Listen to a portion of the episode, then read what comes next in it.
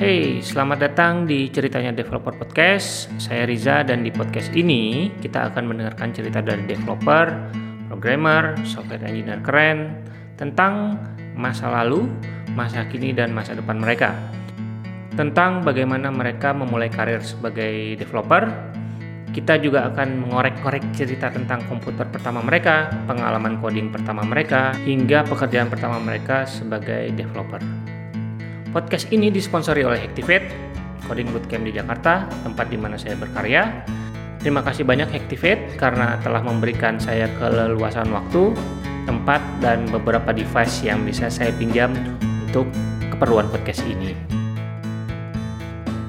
Dan di episode kali ini kita sudah bersama dengan Sony Lazuardi, Halo.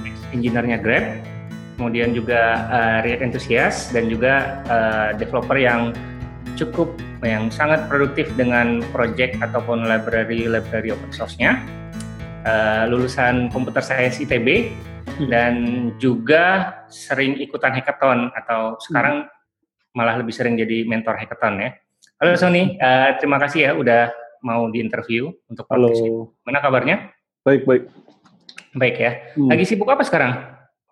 Sibuk ya biasa bikin prototype, bikin open source, Oke. Heeh. saya kan udah cerita sedikit background eh, tentang Sony kan. Boleh dilanjutin nggak? Eh, terutama buat teman-teman yang belum kenal ya banyak siapa sih yang belum kenal ya sebenarnya. Tapi mungkin ada beberapa teman-teman yang eh, baru tahu nih ada sosok seorang Sony Lazuardi yang kerjanya di Grab eh, Singapura. Boleh cerita nggak eh, mungkin tentang backgroundnya sedikit? Oke, background eh saya apa namanya kan sekarang kerja di eh, Grab sebagai UX engineer. Sebelumnya eh, kerja sebagai front end dan dulu juga pernah kerja sebagai back end. Jadi ya sebenarnya full stack sih. Cuma sekarang lagi Full stack fokus- ya? Ya full stack. Cuma sekarang fokusnya ke front end dan karena ini di Grab masuknya tim desain, jadi tertarik juga jadi kayak bikin tertarik sama dunia desain juga UX dan ya bikin desain tools kayak gitu Oke. gitu. Terus apa ya tadi bener apa kuliah di ITB Computer Science Mhm. apa lagi ya Kuliah di ITB jurusan informatika. Emang dari dulu senang coding jadi pengen masuk ITB gitu jadi emang udah dari SMA udah kayak siap-siap gitu. Jadi pengen Oke. ITB. Terus ya pas di Computer Science ITB juga sering dapat ngerjain project freelance gitu-gitu. Terus ikut lomba juga gitu. Mhm. Oke, berarti udah udah tertarik jadi mau pengen jadi apa cita-cita yang pengen jadi developer tuh udah dari SMA ya sebenarnya. Dari SD. Oh, dari SD. ya, dari SD dulu tertarik sama apa namanya? eh, game, terus animasi, paling tertarik sama animasi animasi kartun gitu. Terus pengen bikin Animasi kartun. Heeh. Berarti pengalaman pertama kali bersentuhan dengan komputer itu SD, ya SD kelas 6. kelas 6 ya. Mm-mm. Apa komputer pertamanya?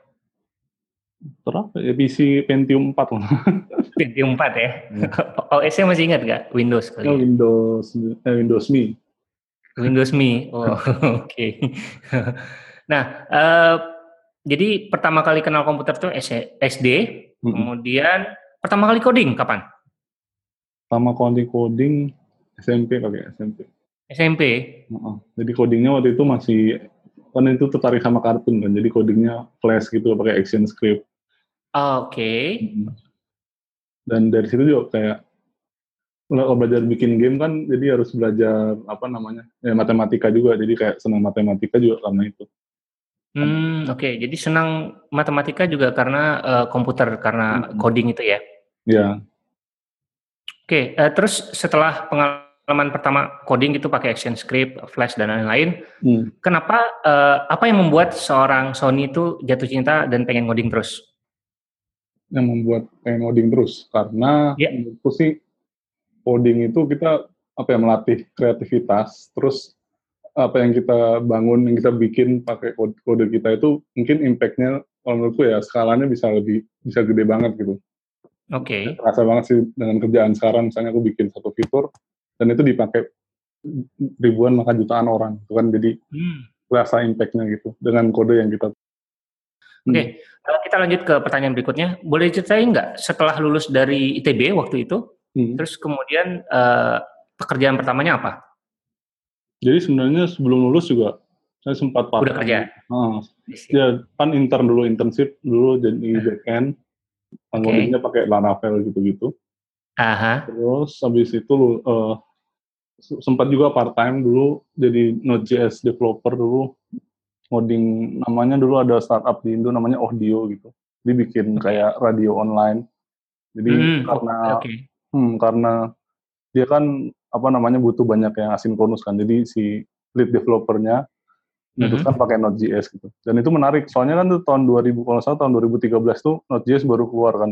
Masih versi 0,0 yeah. lah. Dan di situ udah ada lowongan ya cobain aja part time. Hmm. belajar banyak sih.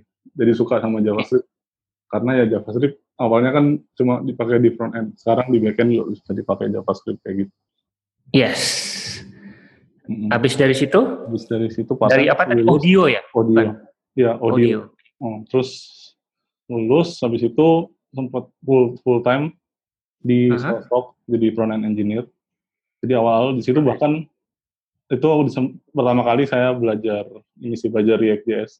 Jadi sebelumnya kan biasa kalau ngerjain apa project lomba atau freelance biasanya ambilnya pakai uh, Angular JS sama Knockout. Dulu di audio pakai Knockout JS sih.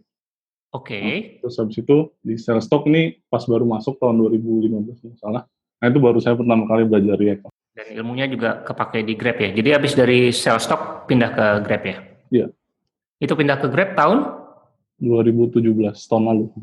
April. Tahun ya. Hmm. Oke, okay. uh, eh, waktu pertama kali nyobain React itu gimana uh, perasaannya? Perasaannya ya.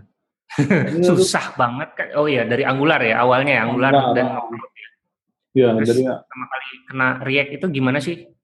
Jadi awalnya kan, hmm, jadi awalnya dulu Angular, terus ada dulu kalau nggak salah framework yang untuk bikin dari Angular bisa jadi mobile app juga saya tetap pakai Web 2, namanya Ionic Framework. Ionic, ya. Nah, jadi sempat beberapa kali bikin open source juga pakai Ionic, Ionic hmm. dan Firebase itu. Terus, yeah. terus kayak merasa kalau ini Ionic kok lambat banget itunya performanya. Apalagi kalau kita punya, misalnya mau render list yang panjang itu pasti kerasa lah nge-lag-nya gitu kalau kita scroll. Nah, terus okay. itu muncul uh, React Native. Waktu itu kan baru awal-awal kan 2015 dan yeah dan React.js juga. Awal-awal belajar tuh susah banget soalnya dokumentasinya nggak sebagus sekarang. Kalau kita lihat hmm. sekarang kan, hmm, sekarang tuh website udah bagus, jadi kayak kita bisa langsung uh, getting started tuh kayak udah ada kayak namanya create React app, jadi tinggal yeah. npm install. Nah, -huh. dulu tuh nggak ada, jadi kayak dulu harus belajar semuanya webpack, uh, Babel. Hmm. Bahkan sebelum webpack terkenal juga sempat apa pakai Gulp gitu-gitu ya? Pakai Gulp ya dulu pakai Gulp Grand atau apa gitu ya, uh, toolsnya ya. Iya. Okay. Cuma karena dulu React biasa eh, nggak tahu dulu kan React biasanya dibandarin sama Webpack kan, jadi ya harus harus yeah. terpaksa belajar Webpack gitu. Padahal sebelumnya di, dulu. Nah, padahal sebelumnya dulu kalau di Angular biasanya pakai Gulp. Nah, jadi harus belajar ya belajar semuanya dari awal gitu untuk kalau React. Hmm, belajar semua dari awal. Hmm cukup menarik juga di Shutterstock kalau nggak salah selain React dan React Native juga pakai GraphQL ya. Oh ya, GraphQL. Ya. Jadi lumayan apa uh, teknologi Facebook banyak dipakai di sana juga ya. Iya betul. Oke. Okay. Dan Redux juga ya? Redux juga. Jadi Redux sebelum juga. pakai Redux lu sempat pakai namanya apa dulu namanya? Fluxor. Flux bukan? Iya. Dulu ada framework namanya Fluxor misalnya. Oke. Okay. Uh, itu ya ya plug sebelum hmm, sebelum ada Redux itu. Nah, terus habis itu okay. sempat beberapa kita coba migrate ke Redux kayak satu bulan tuh. Ya pokoknya kita sempat coba ada waktu untuk migrate ke Redux. Mm -hmm. Punya momen membanggakan nggak selama jadi developer? Dua tahun lalu sempat apa ya namanya iseng-iseng bikin open source itu kan namanya hmm. uh, React Comic gitu. Terus cuma iseng doang. Okay. Hmm. Okay. Terus satu eh dua tahun lalu tuh baru pertama kalinya ke Singapura terus pengen attend apa namanya JS conference di Singapura gitu. Mm -hmm. Jadi ya itu uh, akhirnya aku daftar, daftarnya sebagai ya daftar biasa peserta kan. Sampai di sana yeah. tuh ada kesempatan gitu, jadi kayak uh, kita bisa submit uh, open source punya kita atau project punya kita, terus kita bisa present Hmm. gitu. Dan mereka kayak ada seleksi lima orang, lima project yang menarik bisa presenta, bisa bisa presentasi lah di depan gitu. Oke. Dan ya itu wak- waktu itu salah satunya saya termasuk gitu. Lalu Hmm. masukinnya project yang iseng-iseng doang yang kayak komik. gitu. Oke. Terus Dan akhirnya harus apa uh, punya kesempatan untuk present di depan Ya. GSCom sana ya. di respon sana. Ya menarik sih. Jadi pertama kali ngomong di Wow. baru pertama Langsung. kali keluar negeri terus ngomong langsung. Hmm, seru-seru. Eh, React Comic itu sendiri apa sih buat baca komik online atau gimana? Jadi kita bisa bikin jadi kita bisa bikin komik sendiri, Oke. tapi komponen-komponennya kita bisa pakai komponen itu ya komik. Jadi kayak kita disediain komponen misalnya panel, karakter, balon. Nah, itu Oh, I pakai see. terus- jadi untuk bikin komik justru ya, bukan buat komik reader ya. Hmm, Jadi dari dari apa namanya dari komponen itu kayak, kayak JSX-nya gitulah. Kita bisa Hmm. masukin eh, misalnya kita masukin karakter, masukin balon, terus nanti di render jadi gambar gitu, gambar komik. Oke. Wow, keren ya. Sebaliknya ada Hmm. nggak sih momen yang memalukan selama menjalani karir sebagai developer? Pernah sih dulu pernah kayak waktu sebagai front end itu kayak dulu pernah nggak hati-hati lah, jadi kayak salah ngoding session gitu, sampai Mhm. semua usernya kayak ke lockout semua gitu. Oh iya. Iya, jadi harus ya itulah tuh fatal banget sih. Tapi untung Oke. di- bisa di inilah bisa di reco- di recover terlalu radikal lah ya itu ya, Hmm. log out doang gitu ya. Doang. Oke, eh, lanjut ya. Hmm. Em, untuk saat ini bahasa pemrograman favoritnya apa? Kalau untuk Sony, Ya, JavaScript pasti. JavaScript ya. Iya. Oke, untuk framework, framework Framework ya React, React JS, React ya masih ya, React Native. React Native. Heeh. Oke, kita tim React ya berarti. nah, kalau untuk editor yang dipakai saat ini apa? Sekarang ke bulan lalu baru pindah ke ini sih ke Visual Studio Code. Visual Studio Code. Sebelumnya pakai Atom. Sebelumnya pakai Atom. Pas pindah ke Visual Studio Code kayak merasa jauh banget performance-nya. Jauh ya? Iya, Hmm, Kayak lebih cepet startup-nya. Oke. Ada nggak sih eh, akhir-akhir ini framework, library atau tools atau teknologi yang eh, bikin excited, bikin semangat gitu? Excited itu ya itu sih eh, sketch. Jadi Sketch. karena apa di kerjaan kita bikin sketch plugin dan itu juga support JavaScript. Jadi Mhm. menarik banget gitu kayak banyak sekali tools yang kita bisa bikin di di atas sketch gitu pakai JavaScript juga. Oh, oke. Jadi kayak plugin gitu ya modelnya. Ya, plugin. I gitu. see. Wah, seru ya. Oke, eh, next question. Punya mentor nggak di awal-awal karir sebagai developer? Awal-awal mentor paling dulu sih yang pas eh part time itu kan di audio itu ada Mhm. namanya Ma- Om Ari. Dia kayak udah senior banget. Oke. Oh, Ari siapa namanya? Ari Prasetyo. Ari Prasetyo. Oke. Dan eh, apa pelajaran yang paling berharga didapat dari eh, sosok Ari Prasetyo ini? Pelajaran paling berharga ya seneng, seneng ngulik sih. Seneng ngulik ya? Ya, jadi dia Oh, kayak gitu ya, explore gitu ya? explore. Jadi ya waktu itu kan awal-awal Node.js gitu ya. Jadi kayak belajar banget, belajar banyak lah sama. Oke. Nah, eh, terkait dengan hal itu punya sosok developer yang didolakan nggak? Developer yang didolakan ya paling open source developer ya, kayak Sindre Sorhus namanya di GitHub-nya. Nah, Mhm. dia punya open source-nya dia keren-keren sih, maksudnya kayak, di, terusnya dia yang bikin awesome gitu kan, awesome. awesome. Oh iya, yang awesome something gitu ya, awesome Oh. React, awesome Redux gitu-gitu ya. dari ya awalnya kan idenya dari dia gitu kayak dia, dia bisa banget kayak ngumpulin komunitasnya bikin komunitas di GitHub itu jadi jadi rame gitu Oke. terus juga kedua ini si Da- Dan Abramo Dana Abramo yang bikin Dan dia, Abromo. Nah, dia kayak bisa combine apa namanya combine ilmunya dia kayak dulu kan sempet dari Elm itu kan konsepnya Elm Hmm. dibawa ke eh, JavaScript jadinya Iya. Redux gitu Elm jadi, arsitektur ya. jadi menarik Hmm. banget sih menurutku Kalau yang di eh, lokal ada nggak? Ya paling Arya Hida- Hidayat, Arya Hidayat. Arya Hidayat. Iya. Oke. Ari Hidayat. Ya, yang bikin Phantom JS ya. Phantom JS. Uh. Dan Esprima dan lain-lain banyak. Hmm. Oke, okay, uh, punya advice nggak buat teman-teman uh, yang baru belajar atau yang pengen jadi developer, yang newbie supaya bisa jadi developer yang lebih baik? Jangan jangan takut coba sih. Jadi kalau misalnya kayak ya harus hands on lah. Kalau misalnya kayak dulu kan pas pertama kali belajar React, awal-awal juga nggak ngerti apa-apa gitu. Tapi karena mencoba bikin ya dari project yang simple-simple dulu aja. Terus okay. ngerjain project yang gede, yang hasilnya jadinya lama-lama jadi jadi master, jadi bisa lebih apa ya menguasai lah bidang itu gitu. Hmm. Jadi jangan jangan takut mencoba hal baru. Oke. Okay. Sony juga uh, kontribut ke project-project open source orang atau enggak sih? Kadang-kadang kontribut, tapi nggak banyak sih. Nggak banyak ya. Ada ada apa ada uh, tips khusus nggak buat teman-teman katanya uh, pe katakanlah pengen ini nih pengen kontribut ke open source gitu. Uh, uh, getting startednya gimana sih? Oh, mungkin awal-awal kita bisa apa namanya kalau misalnya kita misalnya menco mencobain open source yang baru nih kita bisa awal-awal kita lihat dokumen dokumentasinya kalau misalnya biasanya kan kalau baru-baru tuh dokumentasinya nggak lengkap kan mungkin kita awal-awal bisa ya.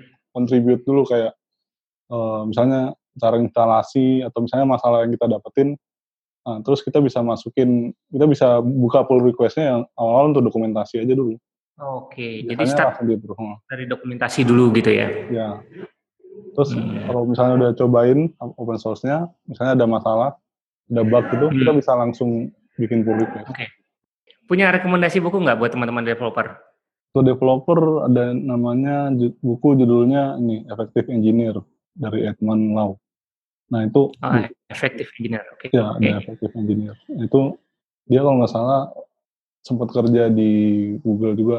Nah di situ tuh banyak tips trik sih kayak gimana caranya kita bagi waktu uh, apa namanya untuk ngejain apa untuk jadi developer gitu. Jadi bukan hanya kerja keras tapi kayak kita bisa nentuin prioritas mana yang leverage-nya tinggi, apa hal-hal yang prioritasnya tinggi kita kerjain duluan.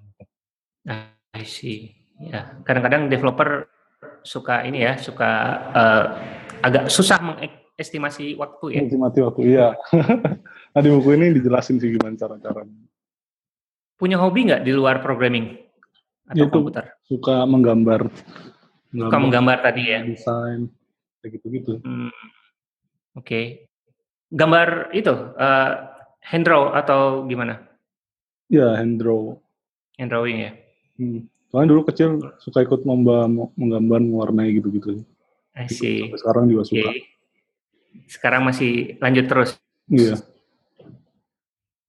Oke. Okay. Oke deh, uh, gimana kalau ada teman-teman yang pengen uh, ngobrol langsung atau mau keep in touch dengan Sony uh, lewat Facebook, Twitter atau LinkedIn yang paling aktif di mana biasanya? Paling aktif Facebook sama Instagram. Facebook, ya? ya Instagram, oke. Okay. Hmm. Uh, tinggal dicari aja ya. Uh, Oke. Okay. okay, itu aja. Terima kasih banyak Sony atas waktunya. Sama-sama. Sukses terus untuk karir dan kehidupannya. Amin, terima kasih. Jangan lupa pulang ke Indonesia. Iya, siap. nah, itu dia cerita dari Sony Lazuardi, UX engineer-nya Grab. Yang menarik dari sosok Sony ini adalah dia selalu men-challenge dirinya untuk melakukan sesuatu. Misalnya aja tadi uh, dia sempat cerita tentang uh, gimana dia memulai sebuah project open source.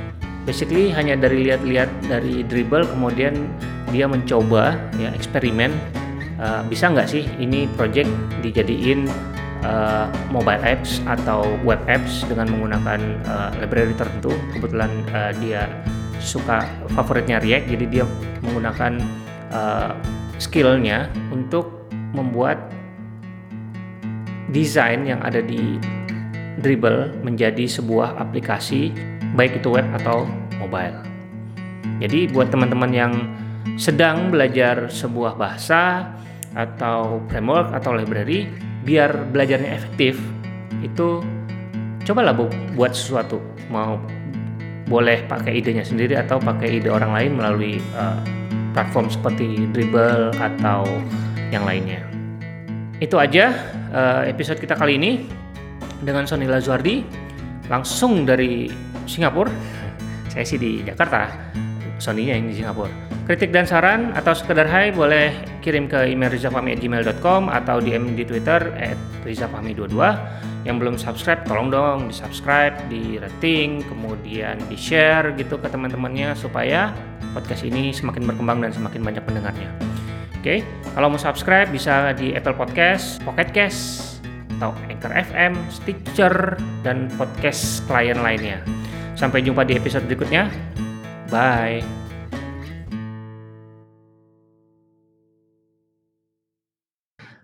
Boleh tahu nggak kenapa sih uh, senang banget bikin-bikin uh, library atau project project open source?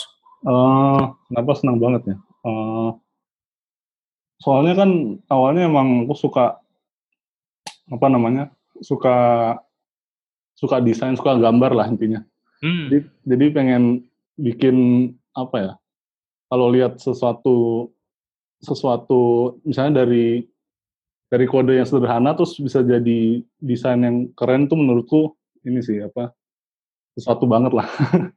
jadi okay. pengen jadi pengen apa ya bikin bikin sesuatu yang orang mudah pakai tapi uh, in, bisa di, uh, apa ya impactnya lumayan lah kita bisa dapat fungsi uh, apa namanya uh, ya fungsinya lumayan bisa kita pakai gitu di uh, okay. di kegiatan sehari-hari. Hmm, I see project open source yang paling uh, terkenal sampai saat ini apa? Dari sekian banyak. Yang saya bikin. Iya. Uh, yang paling banyak statusnya itu sih prototype namanya deh uh, prototype Nike Run. Jadi itu ada ini sama sih kasusnya kayak dribble tadi. Ya dribble okay. ini menarik nih apa namanya? Uh, ada yang yeah. bikin konsep redesign untuk Nike running app itu. Mm -hmm dan lihat ternyata uh, interaksinya lumayan banyak gitu dan kompleks kan. Hmm. Dan hmm. kayak merasa tertantang coba bikin deh. Siapa tahu bisa ini bisa diimplementasi di di kode benerannya gitu pakai React Native. Oke. Okay. sempat populer sempat masuk trending di GitHub gitu. Oh ya? Wow. Ya, tahun hmm. dua tahun lalu sempat masuk. Dua tahun lalu.